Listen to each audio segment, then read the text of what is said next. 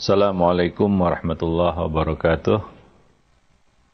Alhamdulillah nahmaduhu wa nasta'inuhu wa nastaghfiruh. Wa na'udzu billahi min syururi anfusina wa sayyiati a'malina. May yahdihillah fala mudhillalah wa may yudlil fala hadiyalah asyhadu an la ilaha illallah wahdahu la syarikalah wa asyhadu anna muhammadan abduhu wa rasuluh يا أيها الذين آمنوا اتقوا الله حق تقاته ولا تموتن إلا وأنتم مسلمون أما بعد Para pemerhati roja kaum muslimin dan muslimat yang dimuliakan Allah Alhamdulillah Segala puji hanyalah milik Allah Rabb semesta alam Salawat dan salam atas Nabi kita Muhammad sallallahu alaihi wasallam Keluarga beliau, sahabat beliau dan umat beliau sampai hari kemudian Para pemerhati roja, kaum muslimin dan muslimat yang dimuliakan Allah, pada kesempatan siang ini kita kembali bertemu.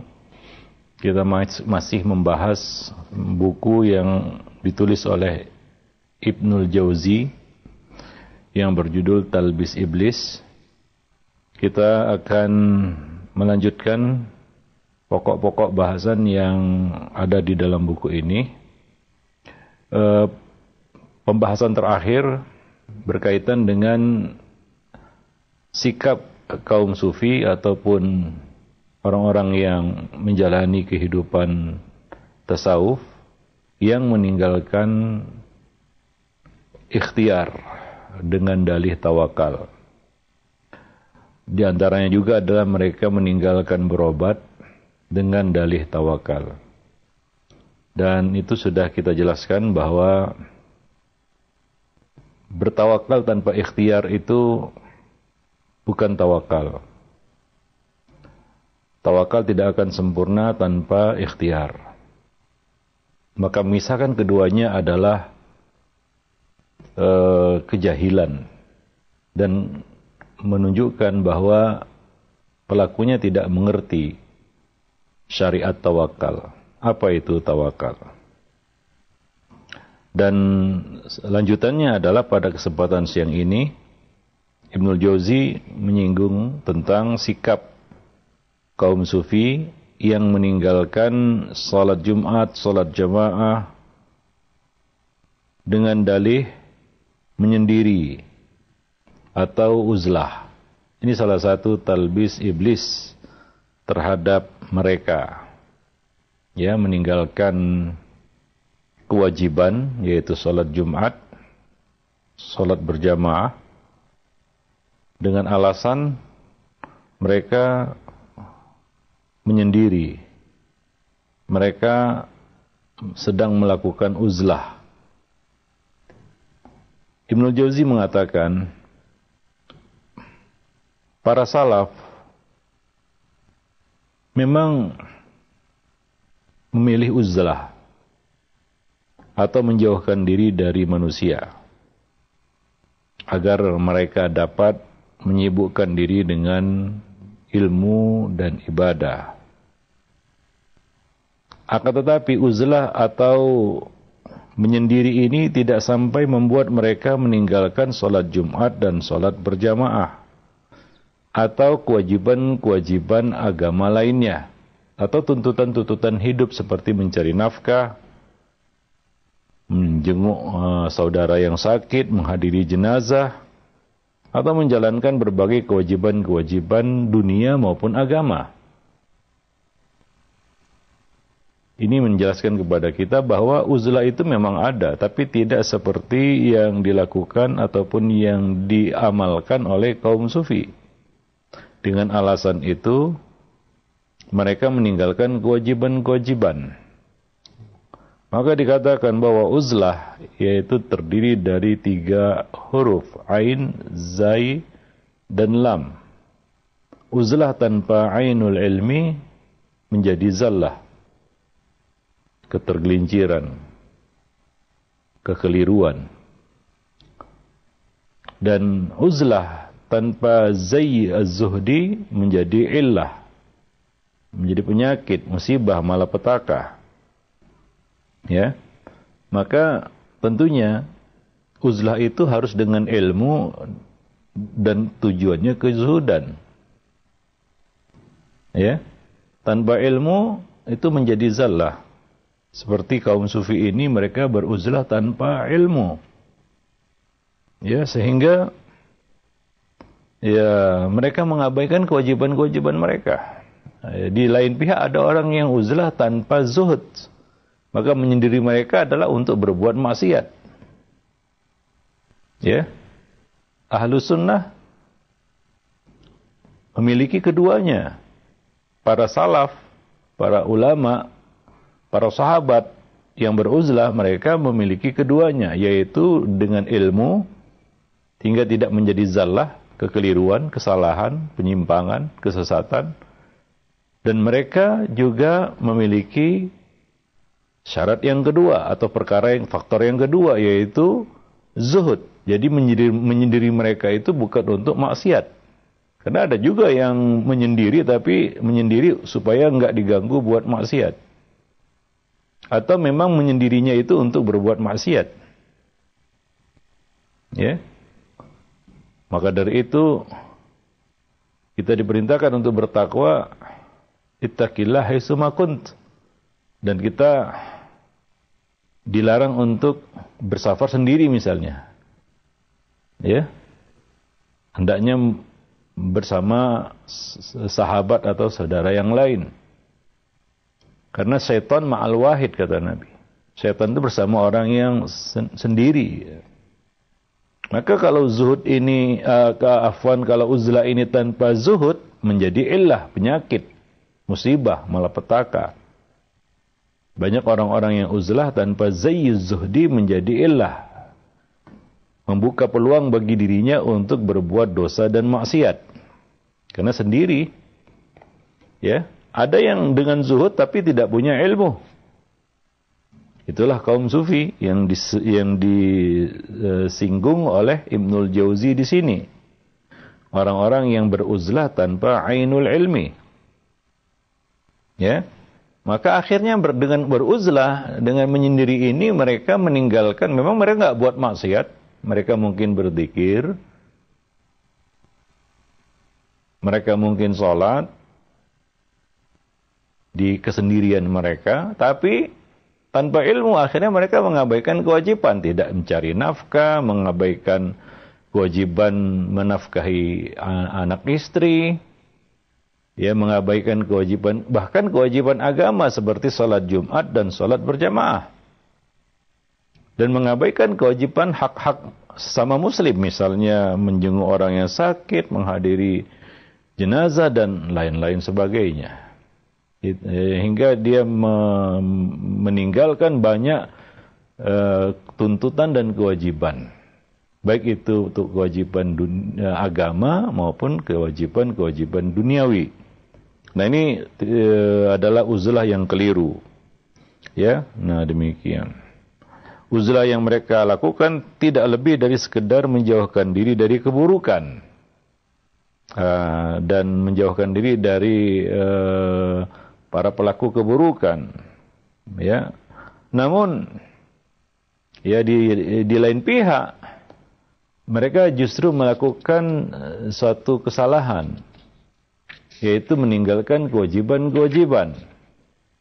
Ya, meninggalkan kewajiban-kewajiban mereka. Di iblis telah menipu mereka sehingga sebagian dari mereka mengucilkan diri di gunung, Uh, ini seperti layaknya para rahib ya yang menjalani uh, kehidupan uh, rohbaniyah sehingga bahkan mereka mengabaikan kewajiban tuntutan kewajiban terhadap hak-hak uh, diri. Misalnya karena beruzlah mereka tidak menikah. Lanjutan dari bab ini adalah salah satu talbis iblis terhadap kaum sufi adalah mereka meninggalkan menikah. Salah satu alasannya adalah beruzlah atau e, salah satu sebabnya adalah mereka beruzlah sehingga akhirnya mereka mengabaikan hak-hak diri. Ya. Nah, demikian. Mereka menyendiri sepanjang hari sampai-sampai meninggalkan salat Jumat, salat berjamaah dan tidak berbaur dengan manusia. dan mereka meninggalkan kewajiban yang penting yaitu menuntut ilmu. Ya kepada ahli ilmu.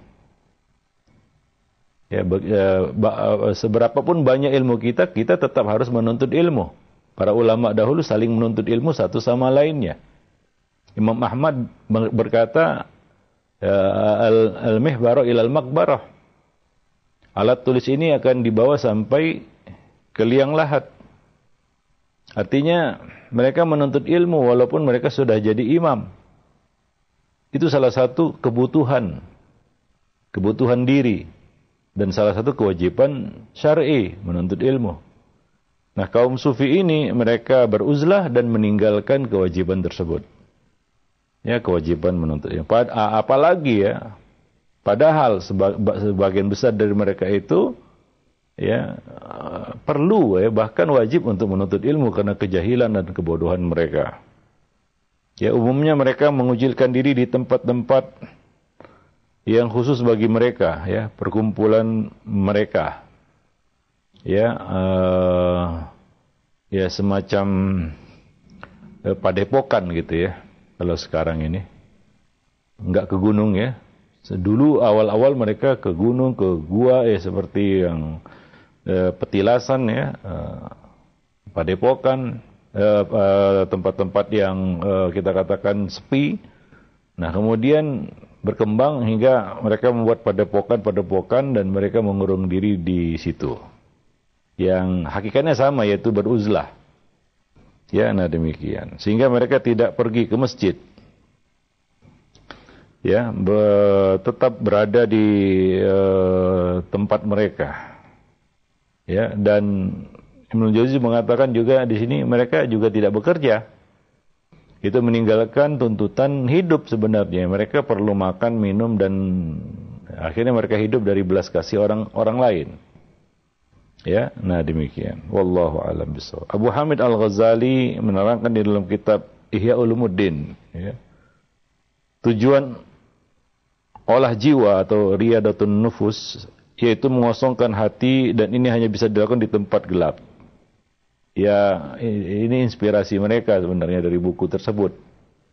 Ya, tentunya ini uh, ya sebelum ya, Al-Ghazali Abu Hamid Al-Ghazali ya bertobat dan meninggalkan hal-hal semacam ini ya, maka kitab Ihya Ulumuddin itu uh, salah satu kitab yang berisi banyak hal-hal yang juga uh, keliru dan perlu uh, diwaspadai ya. Kalau tidak mengetahui ya bahwa uh, ini adalah sebenarnya salah satu uh, kita katakan ritual-ritual kaum sufi.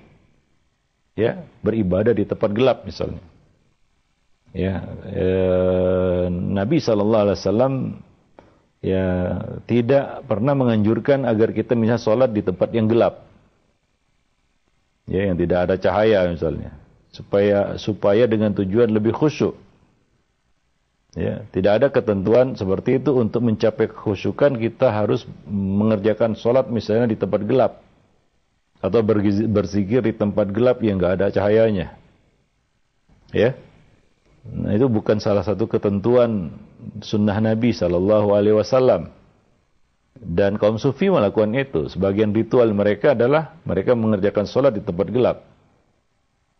Kalau di masjid misalnya dimatikan lampunya, ditutup jendela dan pintu supaya gelap. Dengan alasan untuk mencapai kekhusyukan. Ya. Demikian juga ketika mereka beruzlah di kamar-kamar dan di tempat-tempat di kemah-kemah mereka. Ya tanpa cahaya, ya tanpa ada sinar dan cahaya sedikit pun dengan tujuan untuk mencapai kekhusyukan hati. Nah, kekhusyukan hati tidak dicapai dengan cara seperti ini tentunya ya. Ya. Nah, demikian. Wallahu a'lam bishawab. Sama seperti dalam salat kita tidak boleh memejamkan mata dengan alasan untuk mencapai kekhusyukan. Ya. Ya tentunya antara mm, sholat di tempat gelap dengan menutup mata ya tentunya eh, lebih sedikit gangguannya menutup mata ya daripada di tempat gelap kalau mata masih terbuka. Tapi ternyata syariat melarang kita sholat dengan menutup mata. Ya. Ada orang tuh ya kita lihat sholat dari takbir sampai salam dia tutup matanya, dia pejamkan matanya. Dengan alasan kalau dia buka matanya terganggu hatinya. Nabi justru melarang ya sholat seperti itu. Seperti ada beberapa hal yang dilarang di dalam sholat seperti melihat ke atas, mendongakkan pandangan ke atas, ya, menutup mata dan sejenisnya. Jadi bukan alasan dengan cara itu kita dapat kehusuk, kehusukan, lalu kita menutup mata.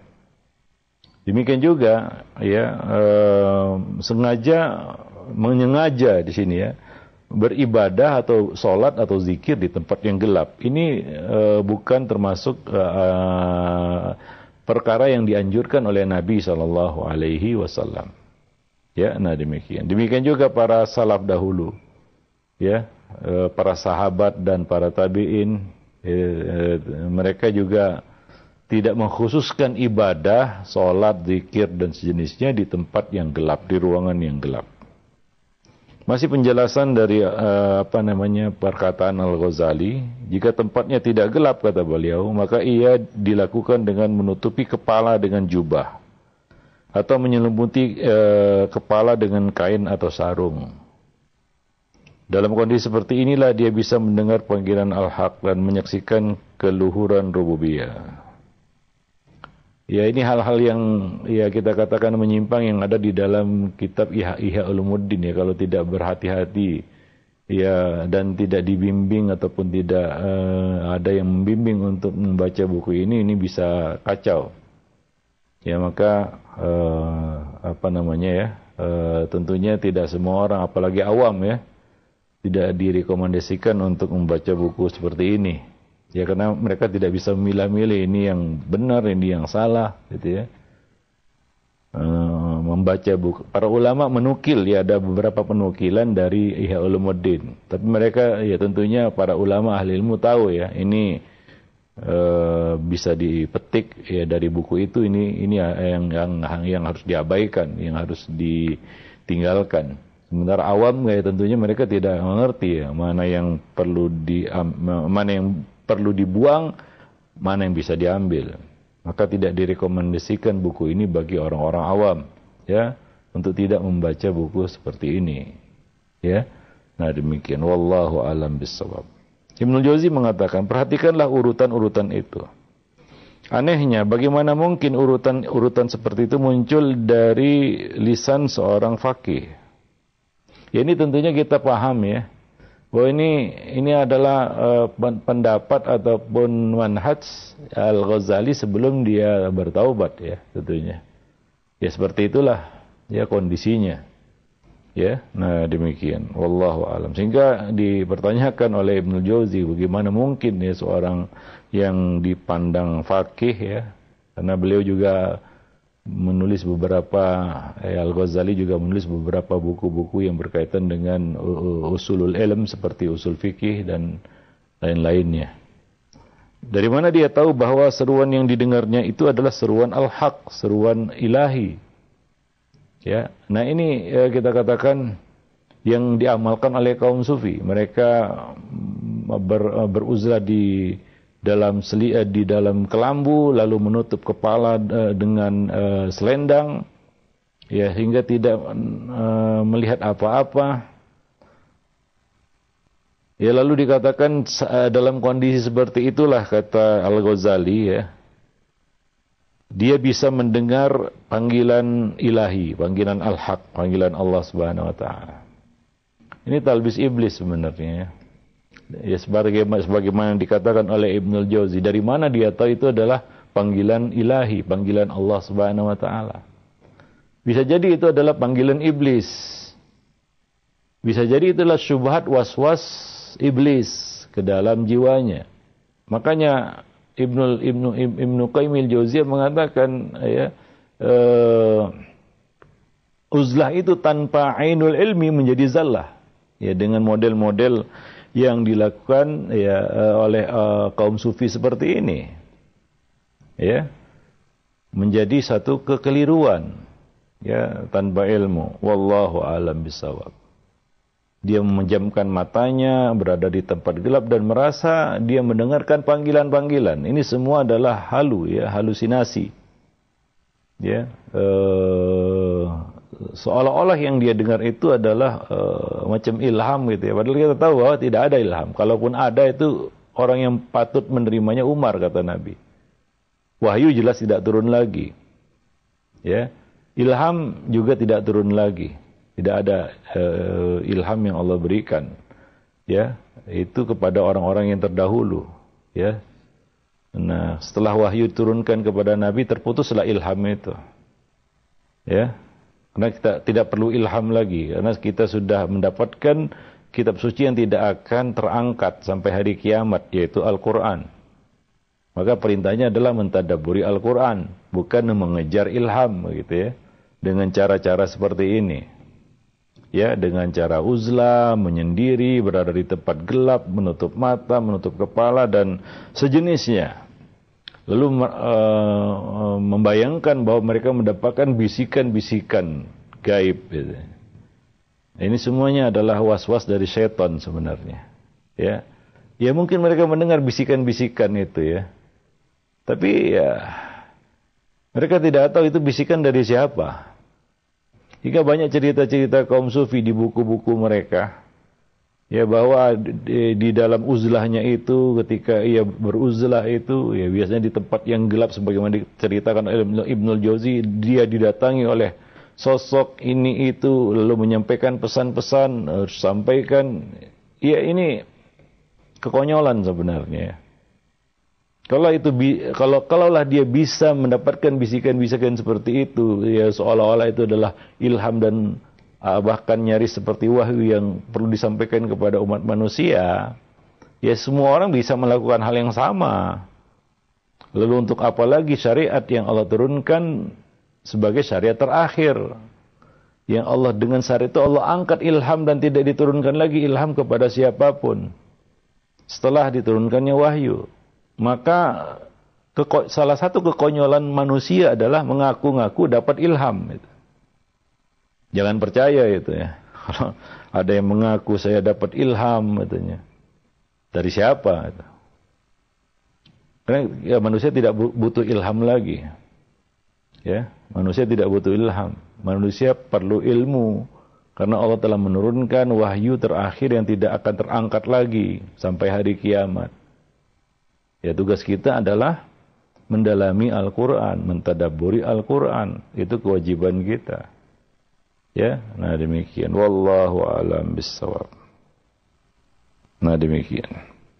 Jadi kondisi uh, beliau mengatakan, ya, uh, dari mana dia tahu? Ini perkataan Ibnu Jauzi. Dari mana dia tahu bahwa seruan yang didengarnya itu adalah seruan al-haq, seruan Allah dari mana pula dia tahu bahwa yang dia saksikan itu adalah keluhuran rububiyah?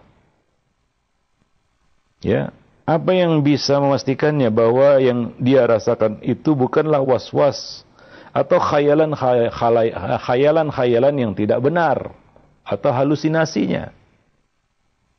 Ya, standar apa yang dia yang dia gunakan untuk menentukan itu, membedakan ini adalah ilham, ini adalah bisikan setan. Ya, wallahu alam bisawab. Kondisi seperti ini, ini merupakan fenomena yang muncul akibat banyak hal. Salah satunya ya ini Ibnu Jauzi mengatakan adalah karena akibat makan terlalu sedikit, kurang makan, kurang gizi. Sebelumnya kita jelaskan juga ya bahwa salah satu ritual kaum sufi ini adalah melaparkan diri, nggak makan, nggak minum. Sehingga yang bersangkutan mengalami halusinasi kata Ibnu Jauzi di sini ya, ya bisa ini masuk akal ya karena orang yang dalam kelapar dalam kondisi kelaparan itu macam-macam yang nyangkut di pikirannya itu. Ya wallahu alam bisawab apalagi kondisinya ya ya, ya tidak normal. Manusia itu ada kebutuhan jasmani dan rohani. Ada kebutuhan biologi, biologis namanya. Kalau tidak dipenuhi itu kacau juga pikiran. Maka kita diperintahkan untuk menikah Ya, karena kalau tidak menikah dorongan uh, manusia secara fisik itu mengalami perubahan-perubahan. Eh, ada yang muncul di dalam diri mereka, yaitu hasrat birahi misalnya. Kalau itu tidak tersalurkan, kacau juga pikiran. Ya, maka Nabi mengatakan ya kalau kamu melihat wanita yang menarik perhatianmu maka pulanglah dan datangilah istrimu. Karena ketika nafsu birahi itu memuncak, dia perlu disalurkan. Ya dengan saluran yang halal. Maka kata Nabi datangilah istrimu. Demikian juga kalau kamu lapar, maka makanlah kulu washrabu wala tusrifu. Karena dalam kondisi lapar, pikiran nggak jalan. Bisa muncul banyak sekali halusinasi dalam pikiran itu. Ya, maka kita wajib inna li jasadika alaika haqqan. Sesungguhnya pada jasadmu ada hak yang harus kamu penuhi. Kalau tidak dipenuhi akan terjadi ketimpangan-ketimpangan pada diri kita, terutama yang menimpa pikiran kita. Jadi nggak betul, gitu ya. pikiran itu jadi nggak lurus. Ya wallahu alam bisawab. Sebagaimana kalau kita dalam kondisi lapar berat kita sementara terhidang makanan kita tidak boleh mendahulukan sholat, dahulukan makan. Kenapa? Karena kita sholat dalam kondisi lapar, makanan ada hadir di depan kita atau kita tahu makanan sudah dihidangkan, ya, kita gak bisa khusyuk. Karena perut kita lapar. Maka para ulama mengatakan hadirnya makanan ketika ikomat ditegakkan, ya itu ya ha, didahulukan makan daripada sholat. Bila kondisinya lapar dan berkeinginan untuk makan. Tapi kalau dia kenyang, maka ini tidak berlaku atasnya. Ya, misalnya seorang kenyang dihidangkan makan dan dia tidak berhasrat kepada makanan itu, maka tidak berlaku hadis itu atasnya. Dia ya sholat dia. Ya, karena makanan itu tidak akan mempengaruhi dia. Kenapa? Dia kenyang. Walaupun makanan sudah dihidangkan, kalaupun dia paksakan makan, ya juga dia nggak bisa makan karena sudah penuh perutnya. Maka Hadis itu berlaku bagi orang-orang yang kosong perutnya, lapar dia. Makanan ada, kalau makanan nggak ada ya udahlah sholat. Tapi kalau makanan ada dihidangkan, datang makanan itu ya makanlah. Ya, karena itu akan mengganggu konsentrasinya di dalam beribadah. Karena perutnya lapar, perlu diganjal. Itu adalah hak diri, hak tubuh. Maka Nabi mengatakan wa inna li jasadika alaika haqqan. Sesungguhnya jasadmu itu punya hak untuk kamu penuhi. Itu kewajiban kita. Ya karena ketika ini diabaikan maka akan terjadi eh, kesalahan ya ataupun ketidakberesan ya terutama pada pikiran. Maka Ibnu Jauzi mengatakan di sini ya kondisi seperti ini ya mungkin ya muncul karena ya sikap hidup mereka yang makan terlalu sedikit atau bahkan tidak makan. Ya, sehingga mereka mengalami halusinasi. Wallahu alam bisawab. Boleh jadi ada yang terhindar dari kondisi demikian. Hanya saja pada saat menutupi diri dengan pakaian dan menjamkan kedua mata, pikiran dan imajinasinya pun berkelana. Sehingga melihat banyak sekali khayalan-khayalan yang dikiranya sebagai kehadiran keluhuran rububiyah Allah Subhanahu wa taala atau ilham. Dikiranya uh, dan uh, dan uh, dia mengira ini adalah bisikan ilahi atau disebut juga ilham. Beliau mengatakan kita berlindung ya kepada Allah dari was-was dan khayalan yang tidak benar seperti ini. Ya, jadi ketika ya uh, manusia dalam kondisi seperti ini ya, jauh dari ilmu, kemudian menyendiri dan menutup diri, bahkan memejamkan mata seperti ini, maka dia kan akan banyak berkhayal. Mengisi hatinya dengan khayalan-khayalan, pikirannya dengan khayalan-khayalan, mengkhayal. Itu salah satu sebenarnya penyakit orang malas. Salah satu ya yang muncul akibat kemalasan adalah suka berkhayal ya maka kita dilarang banyak berkhayal, tulul amal, banyak berangan-angan. Ya. Nah, Uh, maka ketika kita iktikaf misalnya bukan berkhayal tapi menyibukkan diri dengan ibadah ya menyibukkan diri dengan ibadah bukan berkhayal. Nah wallahu alam bisawab. Uh, ada satu kisah di sini diriwayatkan dari Abu Ubaid At-Tustari. Ya uh, kisah ini panjang nanti akan kita lanjutkan pada pertemuan-pertemuan berikutnya insyaallah. Ya e, satu kisah dari Abu Ubaid At-Tustari.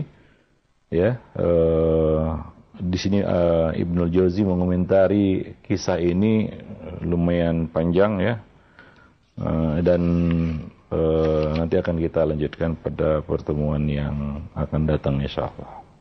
Nah demikian saja pertemuan kita pada kesempatan siang ini. Mudah-mudahan bermanfaat. Aku lu qauli hadza astaghfirullah li wa lakum wa lisairil muslimin innahu huwal ghafurur rahim. Assalamualaikum warahmatullahi wabarakatuh.